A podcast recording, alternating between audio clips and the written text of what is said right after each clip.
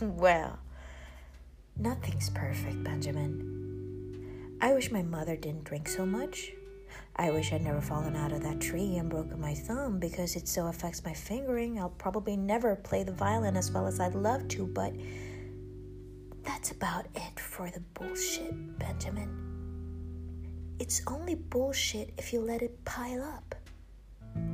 Heaven's in the details. Someone said that.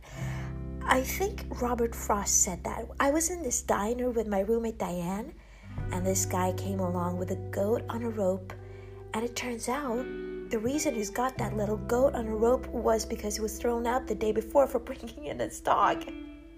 But the point is that Diane had stood up to leave when she saw the man walk in and she sat straight down again and she said, Well, if there's a goat, I'll think I'll have dessert. and that's why I love Diane. Because if you think like that, you not only notice more little goats, you get more dessert.